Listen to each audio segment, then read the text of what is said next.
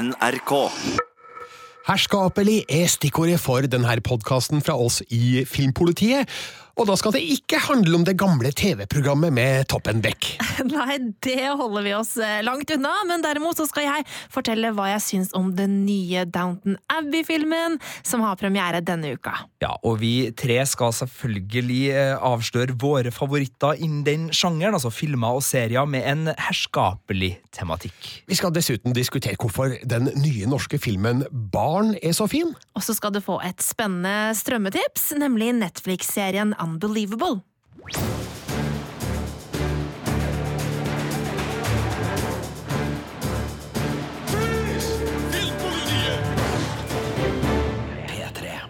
Først skal vi altså til Downton Abbey, den her britiske serien som mange har et varmt og nært forhold til, bortsett fra Sigurd og meg. Dere har sett litt Downton Abbey? Ja, bitte, bitte litt i starten av første sesong, men så ramla jeg av. Hva med deg, Sigurd? Uh, det var jo min historie. Ja, nei, jeg har akkurat så Jeg har prøvd tre ganger, tror jeg. Er det sant? Tre ganger har Jeg prøvd Jeg har kommet sånn litt i gang, men så bare Det er så mange andre TV-serier der Dere ute. er skada. Og uh, jeg kan jo tilstå med en gang da at uh, når vi nå uh, var inne på temaet her og skulle liksom finne ut litt sånn favoritter innen sjangeren, så, Ja. så uh, tok jeg et streif på internett og, og søkte opp liksom sånn filmer om, eh, med herskapelig tematikk, og det er jo ofte litt eh, kostymedrama og romantikk også involvert. Ja. Og fy søren hvor få av de filmene jeg har sett. Altså, Jeg kjenner igjen titlene. Uh, Pride and Prejudice. Altså, og det, og det, det bare hagla med titler. Og jeg bare Ikke sett, ikke sett. Ikke, den har jeg faktisk ikke sett, nei. nei, nei I ikke sett. ingen Jane Austen-plakat på soverommet ditt? Nei, så, så det var veldig avslørende for meg sjøl og min uh, totalt uh, mangel på, på fagkompetanse når det gjelder denne sjangeren som du nå skal ta oss inn i, Marte. For det blir din oppgave i denne settingen. Det var jo ingen tvil om hvem som måtte gå på pressevisning av Downton Abbey, så Marte, for de uinnvidde, kan du gi en kort innføring i hva Downton Abbey egentlig er for noe? Ja, Downton Abbey er jo da et kostymedrama satt til starten av 1900-tallet i Yorkshire i Storbritannia. Der følger vi Crawley-familien, eh, som bor da på Downton Abbey-slottet, eh, og deres tjenestestab, rett og slett. Og det her har pågått eh, på BBC og NRK i flere sesonger. Ja, seks sesonger var det vi fikk eh, før det ble slutt.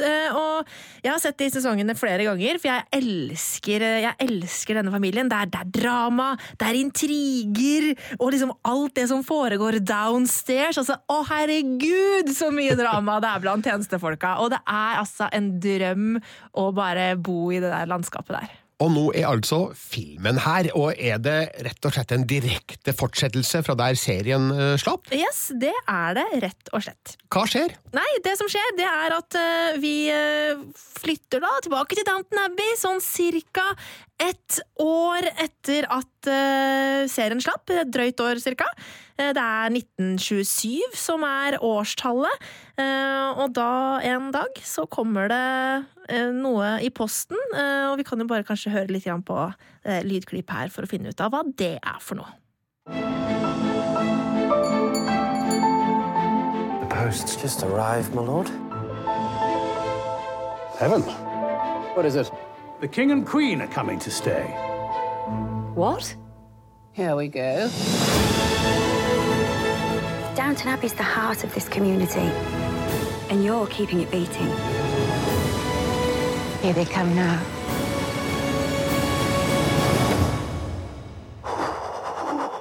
Mr. Mosley? Your Majesties, welcome to Downton Abbey. Og da fikk Hedenstad gåsehud! Ja da! Det blir kongelig innhold her, altså. Kongelig besøk på Downton Abbey. Kong George den femte og, og dronninga eh, de kommer. De er på turné i Yorkshire og skal da bo én natt på Downton Abbey. Og de skal ha en middag der. Og så skal det være en sånn parade i landsbyen og alt mulig. Eh, Og det her setter jo da hele herskapshuset på hodet. Alt skal vaskes, alt skal pusses, alt skal poleres. Eh, og det er jo da helt vanvittig mye å gjøre for familien Crawley, og da selvfølgelig for tjenestefolka. Så er det, men, men det er litt forskjellig, da. Det er noen av tjenestefolka, eh, blant andre eh, Daisy, som ikke er så veldig begeistra for eh, de kongelige og syns at de ikke har noe her å gjøre, og at det der er bare tull. Mens det er veldig mange andre som bare drømmer om å kunne få servere dronningen. Tenk på dette! Men da blir det litt dårlig stemning når staben til det kongelige hoffet kommer i forkant. Eh, for de har jo da ikke planer om å la tjenestestaben til Downton Abbey gjøre noe som helst. De har med seg sine egne tjenestepiker, sine egne kokker, sine egne lakeier, alt mulig. Eh, og da blir det jo da litt drama downstairs, fordi hva i all verden skal vi ikke få lov til å på en måte forsvare Downton Abbeys ære? Ja, Men det her er jo gjenkjennelig for alle oss. Det. Vi har jo alle med våre egne stuepiker, kokker og, og Nei da. Altså, eh, jeg må spørre, altså sånn jeg skjønner jo at det er mye liksom, pomp og prakt og stas, og sånn, ja. men, men uh, altså, du sier dramatikken der nede. altså hvor dramatisk er det egentlig, og hvor, hvor, hvor spennende er det? Eh, nei, altså, hvor spennende er det? Det er kanskje ikke det at det er så veldig mye spenning i det. Um, men det har egentlig aldri Downton Abbey hatt. Uh, akkurat sånn veldig sånn spenning, men det er et eller annet med den kosen med alle disse intrigene, uh, og kosen med å på en måte følge livene deres, da. Um, og det er det som er med den filmen her også. Det føles egentlig ikke ut som en film. Det føles ut som en lang TV-episode. Kanskje som en dobbeltepisode. Eh, som gjerne kunne vært en av disse julespesialene som Downton Abbey har kjørt flere år. Um, sånn at det, det, det, er på en måte akkurat det samme. Ja. Eh, det, bare, det kunne glidd rett inn i, en, i hvilken som helst sesong. Da. Er det bra eller dårlig at de prøve å legge seg nært eh, det filmatiske fra serien. Ja, så Det er jo både og. Det, det som er positivt med det, er at jeg kommer rett hjem. Altså Jeg blir dratt rett tilbake. Det er som om ingen tid har gått siden sist, og jeg på en måte bare er fullstendig inne i universet på nytt. Elsker det. Eh, problemet er at dette her er jo ikke en kinofilm, eh, og det er ikke en film for noen andre enn de som elsker Downton Abbey, har sett alt, kjenner alle veldig godt. Du kan ikke dra og på en måte forvente at eh, å, kanskje jeg skal se den filmen for å sjekke ut om serien er noe for meg. Det vil du få lite ut av. Um, så, og sånn at eh, å klippe rytmen og på en måte dramaturgien i det uh, føles kanskje lite grann rart. Um, fordi, for å være helt ærlig, uh, da, fil da, filmen var ferdig, så tenkte jeg litt sånn ja, ok, ja, når kommer neste episode? Du sitter litt med den følelsen. Ja. Uh, vi så jo tidligere altså Det skulle komme to uh, filmer i år uh, som vi visste som var basert på TV-serier, som skulle være avslutninga. Og så kom det en tredje, også Breaking Bad, som kommer senere. Men uh, Downton Abbey var den ene, og Deadwood-filmen var den andre. Og Deadwood-filmen gjorde jo ikke det Downton Abbey har gjort. altså Den gikk ikke på kino, mm. den gikk rett ut på strømming. Og var, jeg vil si, litt sånn som du har sagt nå, jeg vet ikke om du er enig med meg, Birger, men en, en føltes som en sesongavslutning long overdue. Altså en videreføring av TV-serieuniverset på alle vis, og ikke en frittstående enestående film som kunne ha gått på kino og, og vært som en western som du ikke trengte å ha veldig mye forkunnskap for å få utbytte av? Nei, Definitivt. altså Når det gjelder Deadwood-filmen, så blir du jo kasta rett inn i øh, konflikter og problemstillinger som du må ha sett serien for mm. å ha fått innføringa i. Du får ikke så mye ut av Ok, du kan nok forstå litt hvor landet ligger ut ifra å bare se filmen, men du går glipp av veldig mange nyanser da når du ikke har sett serien, og gjelder det samme for Downton Abbey-filmen Eh, Marte? Ja, absolutt. Og så tror jeg den kanskje kan bli litt slitsom hvis man ikke har noe forhold til rollefigurene. fordi at det, den er litt sånn stiller opp alle rollefigurene på rekke og rad, bokstavelig talt eh, til tider. Eh, hvor alle skal få si sitt, alle skal få liksom være med, alle skal få vise seg litt frem. Fordi at som fans eh, så vil man jo se igjen alle disse figurene man elsker, og dette skal de da gjøre på to timer. Um, og det vil nok for et uh, kinopublikum føles veldig merkelig og slitsomt. Og det er jo litt uh, unaturlig også for jeg som er fan, men jeg godtar det fordi jeg er så glad i disse folka. Ja, For min eh, lille konspirasjonsteori eh, når det gjelder hvorfor Downton Abbey-filmen havner på kino og mm. Deadwood-filmen ikke havner på kino, er jo rett og slett fordi uh, de seks sesongene med Downton Abbey var veldig populære i sin samtid når de gikk, ingen tvil, men det er også en serie som har blitt til et begrep i språket vårt. Altså Det er sånn Danton Abbey-stemning. Altså Selv om jeg og Birger, da, som ikke har sett det, vi skjønner jo at folk bruker det her ordet for å beskrive noe. Eh, og det er en serie som har vokst seg også i etterkant. Nå ligger jo alle seks sesongene til strømming på Amazon Prime for dem som har den strømmetjenesten, så det er fremdeles en serie som, som er der ute. Og jeg tror den populariteten gjør at det er nok penger å tjene på kino eh, Absolutt. for å egentlig bare serve de som allerede elsker det. Så du trenger ikke å lage en film som skal være for absolutt alle. Du kan lage en film som er for de som allerede vet. Mm. Og for dem som vil på vennekvelder der man kan eh, kanskje kle seg litt pent. Eh, Jeg vet det er vel flere runder med eh, eh, der eh, lokale bedrifter har eh, Ja, Marte, du er sprekkferdig nå. Eh, Altså, eh, på lørdag eh, Jeg har jo allerede sett filmen, men på lørdag så skal jeg se filmen igjen. Og da skal jeg og venninnegjengen min Vi skal på afternoon tea på Britannia her i Trondheim. Vi skal pynte oss, og så skal vi på kino. Ja, så, så det illustrerer poenget mitt. Altså, det er eh, flere her som kan være med og gjøre det her til en eh, fest, utenom det at man har en frittstående film som skal vises eh, hos kinematografen. da. Eh, Men Marte, nå skjønner jeg jo at du liker Downton Abbey-filmen eh, veldig godt, men øh, føler du den største dragninga mot upstairs eller downstairs? Um, nei, altså det er jo de downstairs vi alltid har hatt mest sympati for. Samtidig som det er veldig interessant å følge de upstairs, fordi det er veldig spennende å se hvordan de tenker. Og hvordan på en måte de er så satt i sin egen verden, og hvor lukka de er. Eh, Og det er jo en, en interessant ting med eh, 1927 som filmen er satt i, da, eh, og også den siste sesongen av Downton Abbey også, at eh, vi begynte å se at det var en æra som begynte å ta slutt. Eh, Dette med på en måte adels eh, eh, familienes eh, plass i samfunnet eh, har begynt å få en annen plass. Da, ikke sant? Det er ikke like viktig lenger. Eh, det er mange som på en måte selger slottene sine, som, som ikke klarer å ta vare på godsene og, videre lenger. ikke sant? Eh, sånn at det, er på en måte slutten av en æra, og, og, og det er interessant å følge eh, i, i familien Crawley. Um, og det er også noe filmen tar opp, samtidig som den nå på en måte eh, presenterer et slags håp på fremtiden, da, og også eh, prøver å si noe om at eh, selv om det er nyere tider, så er fortsatt på en måte adels, adelsfamilienes plass viktig da, likevel. Da. Så den er jo fortsatt eh, eh, av sin tid, 1927, men eh, altså, ja, det kan fint fortsette. Det kan godt komme en film til, det kan godt komme en sesong til. Hadde det kommet en sesong til, hadde jeg slukt det rått, liksom. Men, men jeg har jo gitt terningkast fire til kinofilmen, men det er jo på grunn av Altså, det jeg mener den mangler som en film, eh, men som fan så elsker jeg jo Downton Abbey.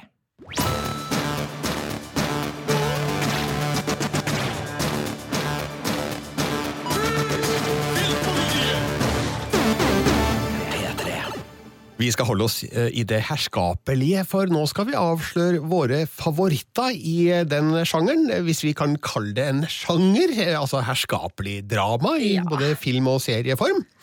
Eh, og siden du nå har fått snakka vel og lenge, Marte, så skal du få vente til slutt. Okay. Nå skal Sigurd og jeg ta våre favoritter først. Jeg vet ikke, Får jeg start, Sigurd? Eh, Du får start, Birger. Tusen hjertelig takk. Det blir en ekstra kopp kaffe til deg etter denne podkastinnspillinga. Og da skal vi til 2001, og vi skal til en film av Robert Altman som heter Gosford Park. Og som på mange måter ligner på Downton Abbey, etter det jeg hører du forteller om eh, serien og filmen, eh, Marte. Eh, Året her er jo da 1932, og alt foregår på godset til sir William McCordle, spilt av Michael Gambon. Han inviterer da et stort knippe av sin vennekrets til en helg på godset, der de skal jakte fasan og spise god mat og drikke mye god vin. Men så skjer det jo et mord, og det blir da en sånn klassisk eh, ja, Agatha Christie eh, Hvem gjorde historie, eh, der det viser seg at det er flere i eh, de besøkende, flere av de besøkende da, som muligens eh, har et motiv eh, for det som har skjedd. Eh, Så sjøl om det her er på overflata, en sånn slags detektivhistorie, så eh, er det vel mer en studie av det klassesystemet som også Downton Abbey mm, har. Eh, Du har selvfølgelig upstairs og downstairs. Du har disse ladyene og sørene og de her fornemme folka som alle har med seg sine personlige tjenere til dette godset. Og hvis du går på um, eh, Internet Movie Database eller på Wikipedia, så står castet lista opp uh, above stairs og below stairs. Ja, det er gøy. så eh, above stairs så har du jo da selvfølgelig Maggie Smith, som også er med i Downton Abbey. hun er det beste med Downton Abbey. Ja, hun har jo bare det ansiktet som må med i en herskapelig film. Og Harry Potter. Og Harry Potter. eh, ellers så har du jo kjente skuespillere som Kristin Scott Thomas, Charles Dance, Tom Hollander, eh, Bob Balaban og Ryan Philippe, faktisk, eh, og Above Stairs. Mens Below Stairs så finner du blant andre Clive Owen, Helen Mirren, Emily Watson, Richard E. Grant, og eh, du skjønner jo at eh, bare på det castet her, at dette er kvalitet med stor K. Og det er bare en sånn vidunderlig filma mm, film. Eh, nydelig skutt på den engelske landsbygda, med et helt fantastisk slott, selvfølgelig, som bakteppe. Og så liker jeg veldig godt eh, skildringa da av eh, de ulike livene da, mm, over og under, der det er veldig glatt og stigla og pent above stairs, og så det er veldig rått og barskt below stairs da, hos eh, tjenerne. Eh, Så jeg plukka fram eh, anmeldelsen min, som eh, eh, kom da i 2001. Eh, Terningkast fem ga jeg filmen, og eh, her skriver jeg at det er en dash Agatha Christie, litt Hercule Poirot, en bit Inspektor Dalglish blanda med fornuft og følelser. Og Å, nydelig film. Jeg likte veldig godt den uh, settingen der. En Klapp på skuldra til meg sjøl. så det er en classy, velspilt og underholdende sjangerfilm, og er veldig anbefalt. Eneste problemet med Gosford Park er at den faktisk er litt vanskelig å få tak i. Den er ikke strømbar noe sted, eh, har aldri vært det. Og eh, den eh, ble utgitt på DVD i Norge i sin tid, men aldri på Blu-ray. Og du kan få tak i en engelsk Blu-ray-versjon uten norsk tekst, hvis du går på ja, Amazon eller der du nå en bestiller dine utenlandske Blu-rays. Men strømming Forget about it, dessverre. Og det er synd, for Gosford Park er en skikkelig kvalitetsfilm som eh, hadde fortjent en mye bedre og enklere distribusjon. Eh, Hvis noen vet at den faktisk er strømbar noe sted, eh, så har jeg tydeligvis ikke gjort jobben min. Da vil jeg gjerne ha beskjed på det, på, om det på filmpolitiet krøllalfa nrk.no. Og det gjaldt altså Gosford Park fra 2001. Det var mitt herskapelige tips, eh, Sigurd. Nå er jeg spent på ditt. Ja, og det skal du straks få, men du skal få vente bitte litt lenger, for mens dere snakka nå, så har jeg begynt å tenke på en ting. Altså, Hvis vi nå levde i en sånn verden, vi tre, Ja. i en sånn upstairs-downstairs-verden, så vet jeg at jeg ville ha vært den litt eksentriske, barnløse onkelen i upstairs-versjonen, men som gikk ned downstairs eh, for et lite kortspill i, i ny og ne og hang litt med, med barske Clive Owen der. Men uh, hvem ville dere ha vært i en sånn setting, altså hvis dere hadde fått uh, valgt uh, sjøl? Jeg ville vært hun, hun gamle, skarpe, vittige grevinna. Jeg ville vært Maggie Smith. Altså, Jeg må jo bli Bob Balaban da, som Morris Wiseman i Gosford Park, for han er en sånn Hollywood-produsent som er veldig showbiz-fokus hele tida, og prater alltid i, tele i telefon. Kommer fra USA da på besøk? Han eller? kommer fra USA på besøk, ja. ja. Så det var det beste tipset jeg kunne komme med på stående Ja, nei, men jeg, tror vi alle tre behersker de rollene vi har gitt oss sjøl i det her kommende uh, herskapelige dramaet som, som sikkert eh, NRK eller andre plukker opp. Uh, ja. Min uh, favoritt, ja, Birger. Ja. Jeg var jo fryktelig nære, for først så sa vi at det var filma. Og da, altså jeg, på grunn av biblioteket og tjenerstaben, var på vei inn i Skjønnheten og udyret. Eh, landskapet. ja, ja, altså Disney-klassikeren. Disney- Disney-klassikeren. Det er jo virkelig en upstairs-downstairs-sak der også. Eh, men der er det jo en del annen handling. Eh, Og da Birger ga dispens til at jeg kun får lov til å bruke TV-serie, i og med at Downton Abbey nå både er TV-serie og eh, kinofilm, eh, så går jeg for det ganske så opplagte, men allikevel eh, så må man bare trekke det fram. eh, The Crown. Netflix sin storserie, eh, da den kom, den mest påkosta produksjonen til Netflix. Eh, Et historisk drama om eh, Windsor-familien og da det britiske kongehus, med et skarpt fokus på dronning Elisabeth. Og de to sesongene vi har fått sett, har vært fantastiske. Jeg elsker at jeg lærer masse om det politiske spillet i bakgrunnen.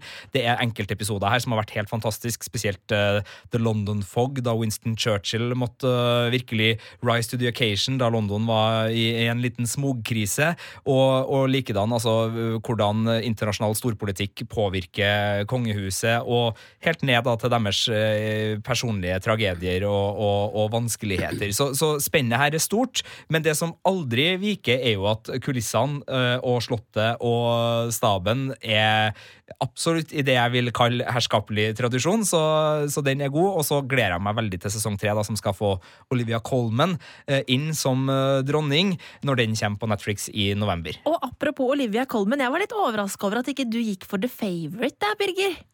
Ja, det er vel eh, en eh, grunn til det. Ja, Eh, Det er ikke så mye Det er ikke så mye kjennere der. Nei, sånn, ja, det er ikke mest sant? herskap, og det tenker jeg også med The Crown. Da, at det, det er mer herskap enn tjenere der, men det er jo selvfølgelig ikke en diskvalifiseringsgrunn, Ja. det. Så, Nei, og så og er det jo litt tjenerstab i Eller altså i hvert fall, det er i hvert fall litt nivåforskjeller i, i The Crown, da. Mm. Sjøl om det er dem som er på nivået under, også har egne gods ofte i The Crown.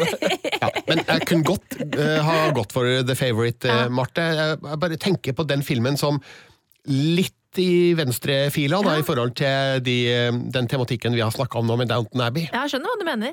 Uh, er det min tur da?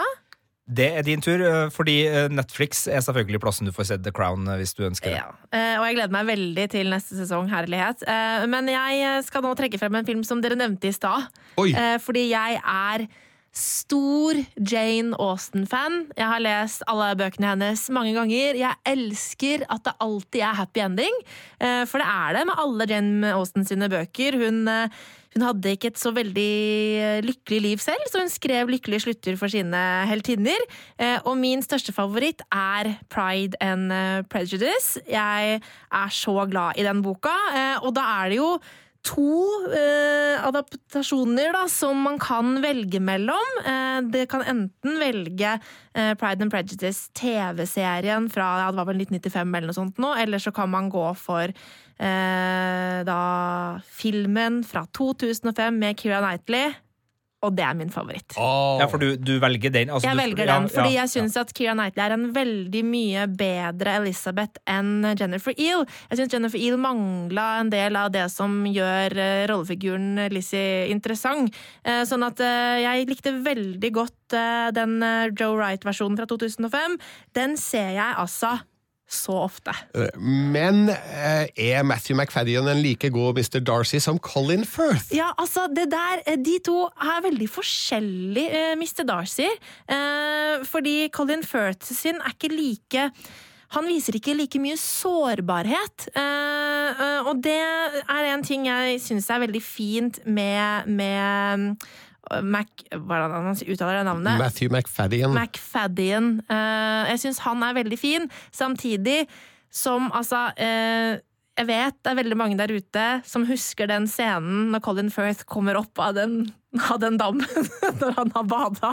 Eh, jeg husker også den, og det var veldig spektakulært. Men, men 2005-versjonen er fortsatt min favoritt, og, og der har vi jo noe med det derre det er jo ikke så masse fokus på tjenerne, men det er en del fokus på det her med forskjell i rang. Eh, at jo rikere du er, eh, jo viktigere er du. Eh, når du kommer fra London ut til småbyene utafor, så, så er det på en måte stor stas for de som bor der. Og den derre dynamikken med liksom ikke fattig og rik, men mindre velstand eh, og veldig rik. Eh, og det der med at du må gifte deg for å, for å klare å måte bli noe her i livet og sånn, er veldig sånn ja, noe som er veldig spennende, da. eh, Å utforske hva det på en måte gjør med livene til folk. Så det er en av de grunnene til at jeg eh, liker Pride and Prejudice såpass godt. Og så eh, selvfølgelig da at Elizabeth er jo da en rebell mot det systemet. Hun nekter jo å gifte seg for noe annet enn kjærlighet, og det er jo selvfølgelig noe jeg heier veldig på.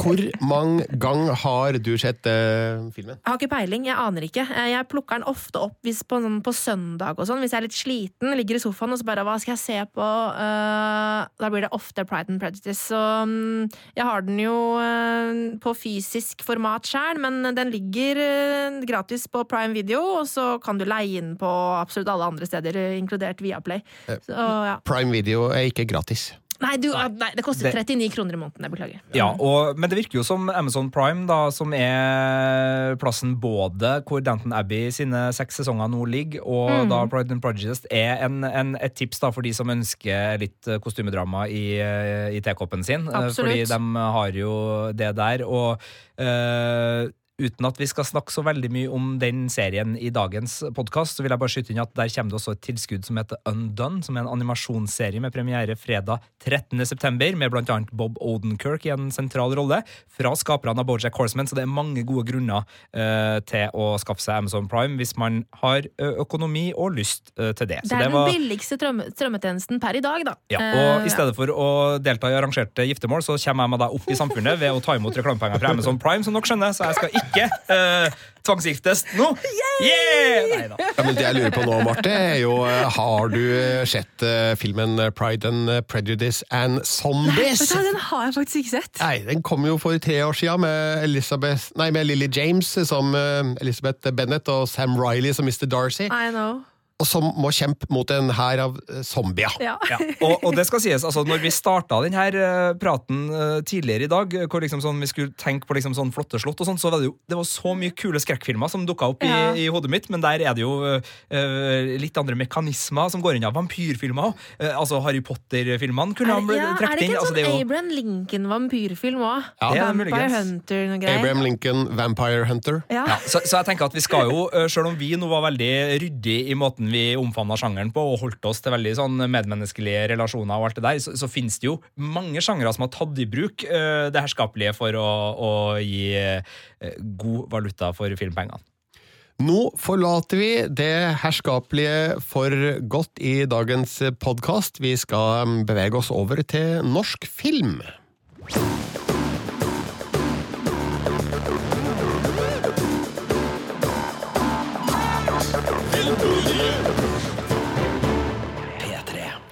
En av denne ukas premierefilmer på kino er nemlig Barn, skrevet og regissert av Dag Johan Haugerud, som imponerte med sin debutfilm Som du ser meg i 2012. Og hans nyeste film fikk sin premiere under filmfestivalen i Venezia for noen uker tilbake, der den ble vist da i det uavhengige sideprogrammet Venice Days. Nå er den klar for norske kinoer, og vet dere hva, Marte og Sigurd? Det her er den lengste norske filmen på kino siden Kristin Lavransdatter på 90-tallet. Herregud, jeg så Kristin Lavransdatter på 90-tallet på Colosseum kino i Oslo. Den hadde pause midt i. Ja, det hadde den. Jeg husker også jeg så den i 1994, eller var det fem? Jeg husker ikke helt. Ja, på, på midten av 90-tallet. Eh, Jeg tror kanskje jeg bør se den om igjen, for jeg vet ikke om jeg fikk helt full uttelling den gangen. Det er ganske mange år siden. Jeg var ti år, hata han. Men eh, jeg tror kanskje at filmen har kvaliteter som Ja. et litt, eh, en litt voksnere utgave av oss begge Ja. vil kunne sette pris på. Men, men eh, i mellomtida så har vi fått masse norske filmer i standardlengde, og vet ikke om dere har lagt merke til det, men utrolig mange norske filmer varer bare en time og et kvarter. Ja, korte filmer. Kort, kort, korte filmer. Det er bare sånn utvida novellefilm, men akkurat nok til å kunne kvalifisere seg som spillefilm. og jeg skal ikke si at jeg har irritert meg over det, jeg bare merka meg det at eh, veldig mange norske filmer er utrolig korte. Men her kommer det altså da en film på to timer og 37 minutter, som er dialogdrevet, og eh, det er deilig å se en film som lar figurene og situasjonene få nok tid til å utspille seg på en naturlig måte. Vi kommer virkelig inn i denne historien, da, som har et eh, ganske alvorlig utgangspunkt. Det må være forferdelig å miste sin egen unge. Nei, vi sto liksom bare og prata, og så Oi. Så du hva som skjedde? Ja. Eller Nei, jeg Vi snakker om en jente på 13 år som ved et uhell har forårsaket en annens død. Hva er det som skjer nå, liksom? Nei, jeg vet ikke. Ja, Barn starter altså med mm, en alvorlig hendelse på en eh, skolegård, eller rettere sagt på en eh, fotballbane ved siden av skolegården, der eh, 13 år gamle Lykke, spilt av Ella Øverby, forårsaker klassekameraten Jamies død.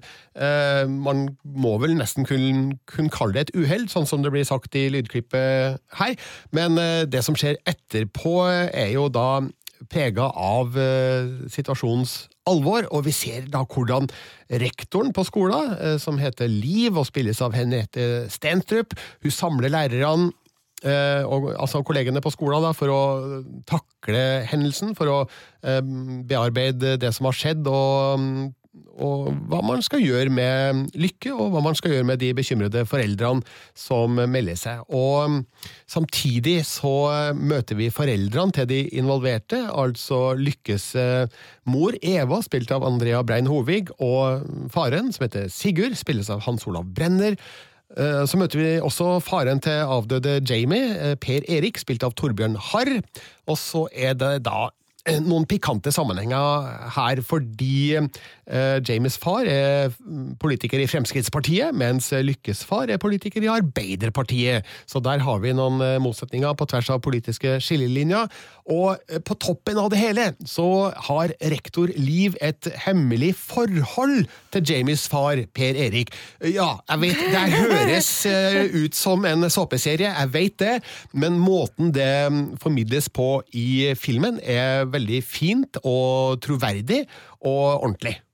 Jeg husker når jeg så traileren eh, for en tid tilbake, så beit jeg meg merke i det her eh, Frp-Arbeiderpartiet-biten, og jeg frykta at det her skulle være en eh, klein film som, hadde, som var veldig liksom, konstruert i problemstillingene. Sånn, hva om vi lar den ene være en Frp-politiker og den andre være en Arbeiderparti-politiker? Da blir det en ekstra dimensjon av konflikt. Altså, jeg, jeg satt med en uro i meg for at noe sånt var på vei, og så snakka jeg med deg etter at du hadde sett filmen, og skjønte umiddelbart at der tok jeg helt feil. Det var en ubegrunna frykt, for det her var en knakende god film. Men eh, det er masse konflikter her. Eh, Hvordan klarer filmen å balansere ut alle disse konfliktlinjene eh, uten at det blir forstoppelse igjen? plassen? Nei, Det er fordi Dag Johan Haugerud har skrevet et veldig smart manus som greier å ta inn alle disse figurene og sjonglere mellom dem og mellom de ulike utfordringene de har, på en naturlig måte som gir historien en, en fin flyt. Så på ingen måte føler man at eh, det er unødvendigheter som spilles inn her, at det er figurer som ikke trengs, eller, eller konfliktsituasjoner som er unødvendige. Alt hører sammen, og eh, det er jo da denne tragiske hendelsen i starten som er katalysatoren for alt som skjer videre, og jeg syns alt er interessant. Altså Selv om filmen varer i to timer og 37 minutter, så føles den aldri lang. Eh, Jeg får nesten følelsen av at den kunne vært enda lenger, for, for min del. Eh, For den, uten at jeg skal avsløre avslutninga, så er den litt åpen. Eh, Akkurat som i den forrige filmen hans, eller debutfilmen hans, da, Som du ser meg, der kritiserte jeg faktisk filmen fordi den bare slutta, uten å ha noen konkluderende eh, historieelementer. Mens eh, her føler jeg at det egentlig er naturlig, og jeg skrev vel det i anmeldelsen at eh, historien har ingen sånn konkret eh, slutt med et stort eh, utropstegn bak, fordi livene våre går jo videre. De eh, utvikler seg stadig, og eh, ja, man blir aldri helt ferdig med ting som skjer. Og det blir man heller ikke her, og jeg syns at det er en eh, fin løsning da, eller en fin måte å avrunde filmen på, uten å si noe som helst om hva som eh, skjer her. Men det handler jo om hvordan vi forholder oss til hverandre, og hvilken eh, ballast vi møter folk med, altså hvilke fordommer og forutinntattheter vi har, og det gjelder jo spesielt da eh, Jamies far, eh, Frp-politikeren, eh, for når det da blir kjent at rektor har et forhold til han, Eh, det her er ikke noe spoiler, for det avsløres allerede i traileren. Når det blir kjent, så er jo folk rundt hun nesten i sjokktilstand. Hvordan kan du være sammen med en Frp-politiker, fordi du er jo så imot eh, Fremskrittspartipolitikken. Eh, men eh, her kommer det jo da inn nyttige nyanser om at ja, Frp-politikere de er også mennesker, faktisk, hvis man ikke hadde visst det på forhånd. Eh, Så det er jo en, en, et element i filmen da, som jeg syns gir noen interessante resultater. Eh, Og så er det mye my godt skuespill her, må bare sies. Jeg er kjempeimponert over eh, Ella Øverby, som da spiller Lykke på 13 år. Eh, Hun har kanskje ikke den største rollen i filmen, men den er veldig viktig, fordi vi møter jo Lykke med jevne mellomrom gjennom historien, og ser jo litt hvordan situasjonen påvirker hun kraftig, eh, men også de voksne rundt. Det er jo et persongalleri her som er stort og bredt og mangfoldig, og eh, må jo bare trekke fram eh, Henriette Stenstrup da, som eh, rektoren. Eh, En velmenende, sympatisk person som vel kanskje har begått noen overtramp og ja, latt være å informere om ting hun kanskje burde ha informert om. Og så spiller Jan Gunnar Røise, hennes bror og kollega Anders, som sliter med noen ja, Han sliter med dårlig samvittighet, rett og slett, da, som har sammenheng med det som da skjer innledningsvis. Eh, Det er et veldig fint sidespor her, eh, som skildrer forholdet hans til kjæresten Jan, spilt av Brynjar Aabel Bannlien, eh, som beskriver litt hvilke personlige kostnader da denne hendelsen får for Anders. Eh, Og så er da de nevnte foreldrene til henholdsvis Lykke og, og, og Jamie spilt veldig godt av Andrea Brein Hovig eh, og Hans Olav Brenner, eh, og Torbjørn Harr da som Per Erik, der vi, vi ser hjelpeløsheten de sliter med da i kjølvannet av denne hendelsen, der de to førstes datter egentlig da kanskje har vært en drapskvinne, eh, mens eh, Per Erik slites jo da mellom sorg og sinne, og han lar jo også noen av sine eh, ja, altså de fordommene mange har da mot de som sympatiserer med Fremskrittspartiet, får noen av de fordommene bekrefta, da kan vi si, i Per Eriks verste øyeblikk eh, her, men han eh, får også vist at eh, ja, han er et ordentlig menneske av kjøtt og blod med samme tanker og følelser som vi, vi andre har. Eh, Så Barn har blitt en eh, veldig fin film, altså. Eh, Typisk sånn eh, drikke litt rødvin først, og så går så filmen, og så drikker man litt mer rødvin etterpå for å diskutere hva man har sett. Eh, Jeg skrev i anmeldelsen min at eh, denne filmen blir med deg hjem fra kino, og det, med det mener jeg at mange filmer fungerer veldig bra som eh, eskapisme. Du bare kobler ut hjernen, og så har du glemt filmen omtrent idet du går ut av salen. Det her er ikke en sånn film, for den her kverner i bakhodet lenge etter at du har sett den, og det er jo en kvalitet som man bør ta, ta vare på. Så om du liker film med mye dialog og med mange eh, personer og med interessant tematikk, eh, så gå gjerne og se Barn. Eh, det, det er ikke en Avengers-film, det er det ikke. Så eh, da veit jeg ikke mer hva jeg kan si om Barn, annet enn at det, den er anbefalt. Og jeg har gitt den terningkast fem. En sterk femmer, altså. Er det noen som lurer på noe? Eh, Jeg bare gleder meg til å se den, samt at jeg kanskje gruer meg litt, for den høres eh, Altså, er den tung? vil ikke si at den er Ja, altså, tematikken er jo i utgangspunktet tung, men uh, den formidles ikke tungt. Nei. Jeg syns at uh, det er mye spretten spennende dialog her. Jeg, eh, har vel kalt det gnistrende dialog. Eh, så, altså, Sjøl om det ikke er mye skal vi si, action her, så ligger spenninga i dialogen, i måten figurene kommuniserer med hverandre på. Hvor mange vinflasker setter du Birger Vestmo på at dette er en film som vil dukke opp når de norske prisene skal deles ut på henholdsvis typ Kanon, Amanda? Altså er det en film som eh, har de kvalitetene, for det høres veldig sånn ut? Jeg vil i hvert fall sette et par vinflasker på, på det. Eh, Dag Johan Haugerud er veldig populær i filmkretser og i kinokretser, og eh, det er jo film- og kinofolk som eh, nominerer til disse prisene og deler dem ut, så du skal ikke se bort ifra at eh, her kan det ligge an til flere nominasjoner, både for beste manus og beste regi, og ikke minst en god del skuespillere her kan risikere å bli nødt til å innfinne seg eh, når eh, Kanon og Amanda-prisene skal deles ut neste år. Hele anmeldelsen av Barn finner du på p3.no filmpolitiet.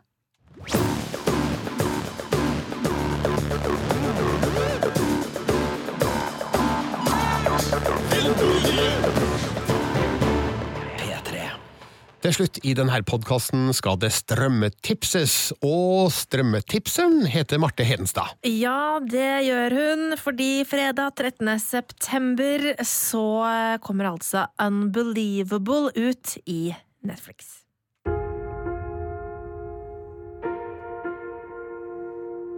I know this is hard, but I need to ask you some questions about what happened. He tied my hands. He said if I screamed, he'd kill me. No signs of forced entry. Doors and windows were locked. No DNA. Not a single neighbor saw or heard a thing. He brought a blindfold, but nothing to tie her with. Would a shoelace even hold her? You think Marie made up the attack? I'm pretty positive that it happened. Pretty positive or positive? Unbelievable starter altså på Netflix, og hva er det her, Marte? Det her er eh, true crime. Eh, Vi er vel ikke lei av det ennå, eller? Nei, definitivt ikke. Nei, men ok, men eh, altså Det er basert på true crime. Ja, bas, men det er Fordi- jo true ja, crime. ja, men det der er litt skummelt, for hvis man begynner å kalle dramaserier, altså dramatiseringa for true crime, så har man vanna ut det der men, uh, Altså, true crime er jo dokumentarserie, ikke sant? nei, altså, du kalte jo uh, Altså Altså, at jeg har gjort feil en gang før, vi betyr jo ikke at vi ikke skal det. da, da Ross spilte faren til Kim Kardashian, Ja. Det er true crime. Nei, det er, det er en dramatisering av en uh, Ah, ok, rettssak fra virkeligheten. Nei, Neida. Eh, Altså, man, man, man, men man, har fått det. Altså, Making a Murderer var jo en true crime, Ja. fordi det er en dokumentarserie. Og Team Blue Line er en true crime, og også disse podkastene og seriene som er dokumentarer, er true crimer. Men man skal være litt sånn When They See Us, for eksempel. Er jo ikke en true crime, det er en dramatisering Det- som veldig mange av de involverte vil si ikke er helt nøyaktig. Eh, Det var en liten rant. Eh, Dette unnskyld. er altså Unbelievable! En dramatisering av en true crime-fortelling basert på den Pulitzer Prize-vinnende artikkelserien The Marshall Project og en episode av podkasten This American Life. Tusen takk, Marte. Da skal jeg eh, skjemmes neste gang jeg kaller en dramaserie true crime, som jeg sikkert kommer til å gjøre. Eh, og dette her handler da om eh, en sann historie, som dere kanskje forsto, eh, om Marie, spilt av Ketlin Dever, som hun er på vei ut av fosterhjemtilværelsen. Eh, eh, bor nå i en leilighet i et gruppehjem eh, for overgangen eh, til voksentilværelsen. Altså sånn et sted for å hjelpe fosterbarn til å bli voksne, da. Eh, og der våkner hun opp eh, en natt eh, av at en mann står over henne. Eh, og hun blir altså voldtatt i sitt eget hjem. Eh, går til politiet, får hjelp. Eh, hun får en ganske sånn eh, hard innføring i hvordan det er å få hjelp av politiet, for det er ikke alltid like lett. Eh, når du har vært gjennom noe traumatisk, skal det vise seg. Eh, og etter hvert så skjer det da dette at politiet begynner å mistro Marie, eh, og tror rett og slett at hun har løyet om hele greia. Eh, vi hopper tre år frem i tid, eh, til en helt annen del av USA. Der er det en voldtekt som har skjedd.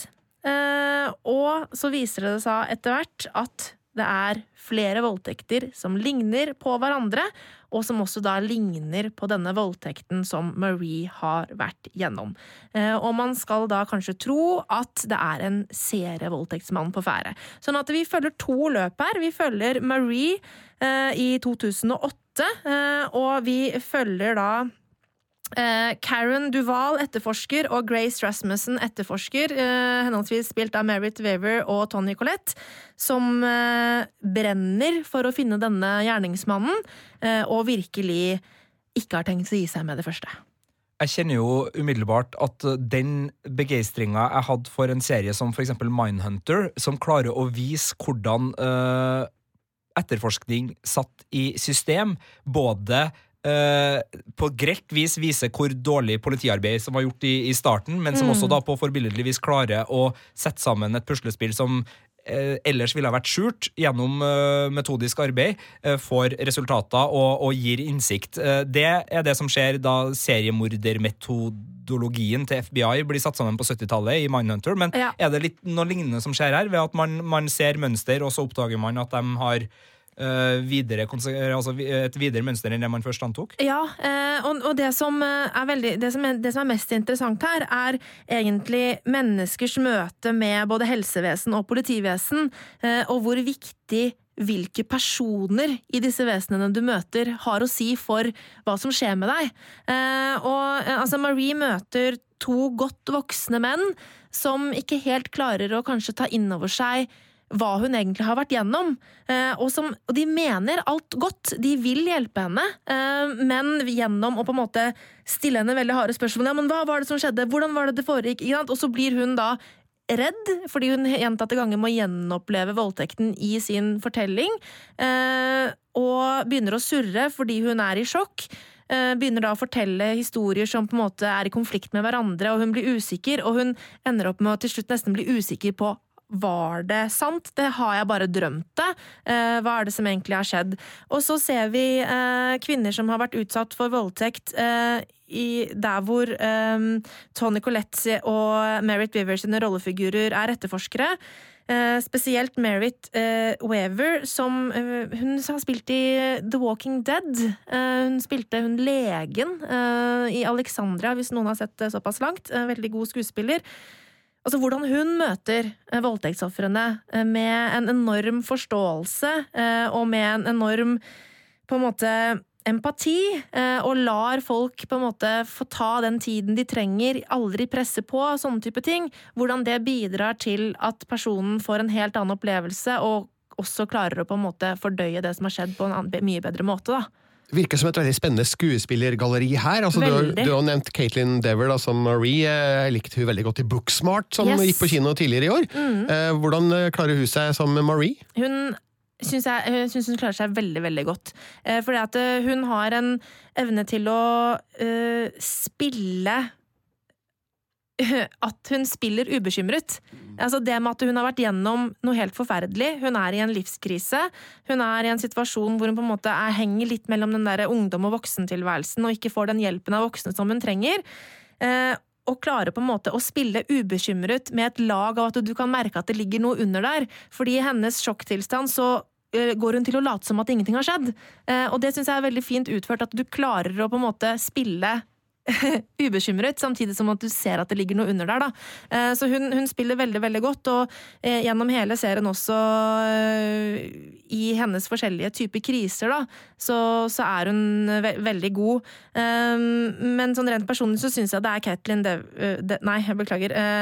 Merritt Weaver som er den beste skuespilleren her, som en, en etterforsker som også er veldig godt portrettert som på en måte et menneske og som en kvinne. da. Eh, Og det er det jeg syns er veldig interessant med serien her er at eh, vi får hele tiden se på en måte hele figurene eh, og hele livene deres. da. De er hele mennesker, hele gjengen, og det, og det gjør det ekstra interessant. Samtidig som, som det jo er en krimfortelling her. Og krimfortellingen er jo interessant nok i seg selv, men men eh, det er på en måte ikke gjerningsmannen som er hovedpersonen, det er ofrene, eh, og hvordan de opplever det som har skjedd med dem. Da. Eh, Så den er, den er veldig sterk. Jeg surra lite grann med disse to forskjellige tidslinjene, fordi jeg syns ikke det var godt nok forklart, rett og slett, at vi hoppa tre år frem i tid. Så det tok litt tid før jeg forsto det, og ble litt forvirra av at det er to handlingsløp som går samtidig, med tre års mellomrom. Eh, Så der ble jeg litt forvirra underveis, men hvis man er veldig klar over det på forhånd, at det som skjer med Marie skjer i 2008, eh, og det andre skjer i 2011, så blir det litt mer forståelig.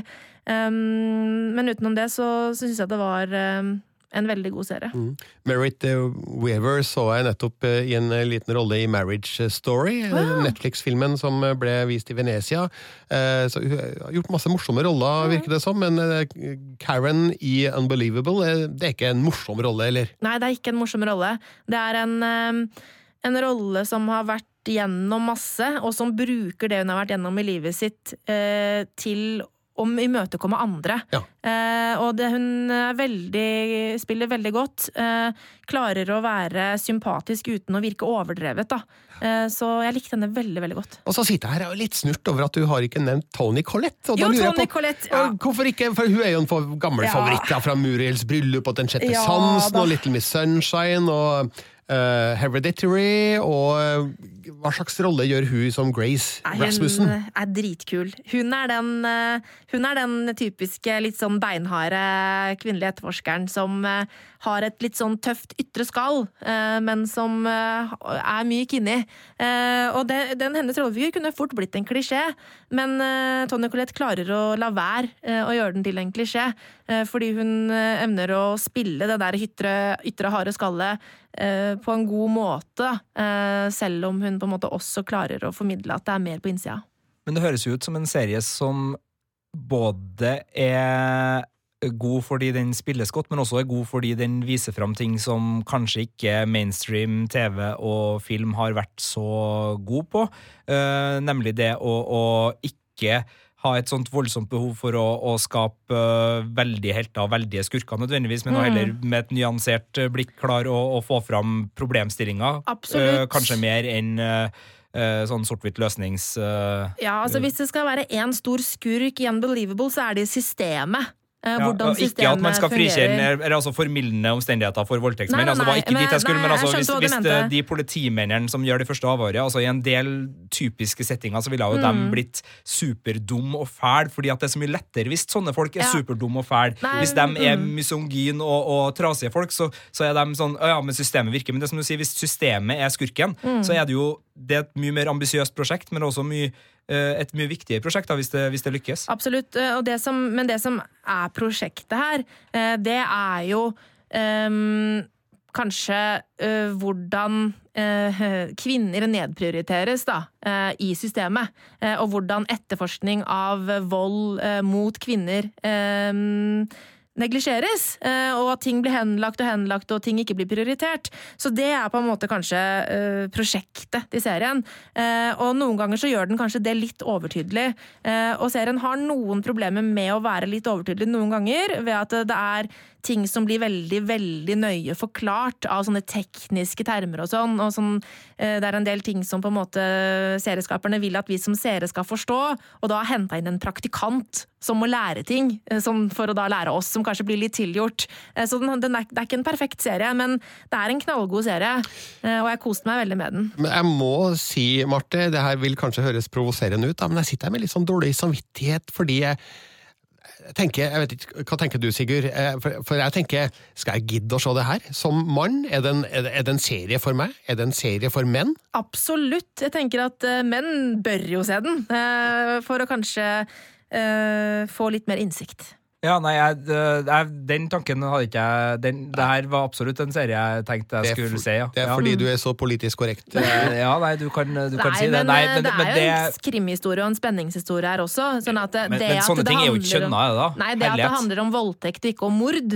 uh, har på en måte ingenting å si. Eh, altså, det kunne like så godt vært en morder på ferde. Ja, og dessuten, altså, å, å, å begynne å liksom skulle uh, finkjemme om serier liksom på et eller annet vis kan ha, være vekta mer mot kvinner eller menn. Altså Selvfølgelig så er det ikke sånn at det overhodet ikke eksisterer eh, markedsundersøkelser og folk som prøver å, å tilfredsstille ulike publikum. Det, det er det jo.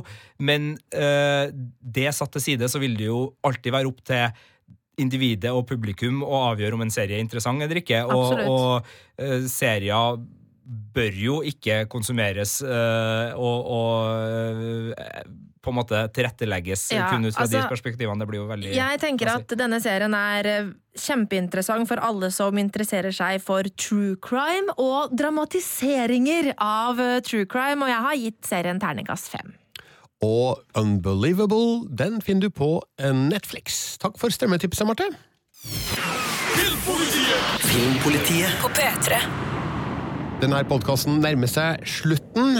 Vil bare minne om at på våre nettsider, p3.no Filmpolitiet, der finner du anmeldelsene av eh, både barn og av Downton Abbey, som vi har snakka om. I tillegg kan du lese anmeldelsen av den kinesiske animasjonsfilmen Felix på ville veier, som selvfølgelig da vises med norsk tale på kino.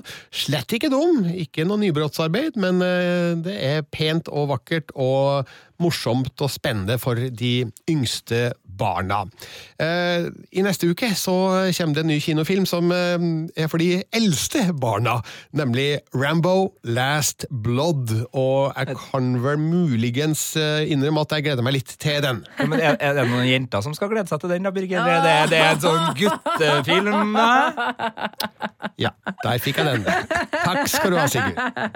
Nei, du, det får jenta sjøl velge om de vil eller ikke, men eh, jeg regner med at det blir en del muskler og en del eh, skyting og en del Ja. eh, brutal vold der. I hvert fall så lovte Sylvester Stallone det da jeg møtte han i Cannes, og hva vi snakka om, det kan du lese på nett og hør på radio i Filmpolitiet nå på søndag. Ja, og så skal jeg bare avslutte med eh, en hemmelighet fra kinobransjen. Fordi eh, reklameskriptene, eh, når jeg jobba i, i kinobransjen, de het sånne ting som gutt og jente, og de? de var foran filmer. Så reklamebransjen har i hvert fall noen klare perspektiver om eh, hvem som er målgruppa for de ulike filmene. Så var det barn da, og andre, altså det var flere reklameskript, men det var eh, kjønna reklameskript, ja. Ja. ja. Back I, in the day. I tillegg til Rambo Last Blood så er det jo premiere på Ad Astra i neste uke. Den nye filmen med Brad Pitt, Tommy Lee Jones og Ruth Nega, som handler om en astronaut på jakt etter far sin et sted i solsystemet.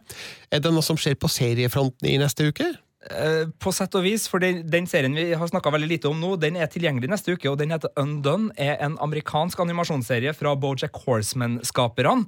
Eh, Og eh, jeg vil bare si at den er å sjekke ut hvis du syns at liksom sånn adult animation er greia di. Den er uh, smart, uh, krevende, men også veldig, Eh, veldig fin. Kan vi bare uh, understreke at adult animation på ingen måte er porno? Ja, Det synes jeg det er en god understreking, eh, og, og det, er et, det er et dårlig begrep, det, det tar jeg til meg. Men altså, det er eh, animasjonsserier som ikke er for barn. Er Ikke egentlig, men altså, jeg vet ikke det, det, Vi har vel ikke et godt uh, oversatt begrep uh, for det heller. Men eh, hvis du digger liksom alt fra Tales from the Torbus og Bojack Horseman og Animals og Son of Zorn og så videre, og så, videre, så, så er det her absolutt noe å sjekke ut. Med det sier vi oss ferdig for i dag. Eh, nå oss på Filmpolitiet, krøllalfa, nrk.no. Følg oss på Instagram og på Twitter, og som vanlig blir vi kjempefornøyde dersom du legger igjen en rating og en kommentar der du eh, finner dine podkaster. Vi som har vært i studio i dag, har vært Marte Hedenstad. Sigurd Vik. og Birger Vestmo.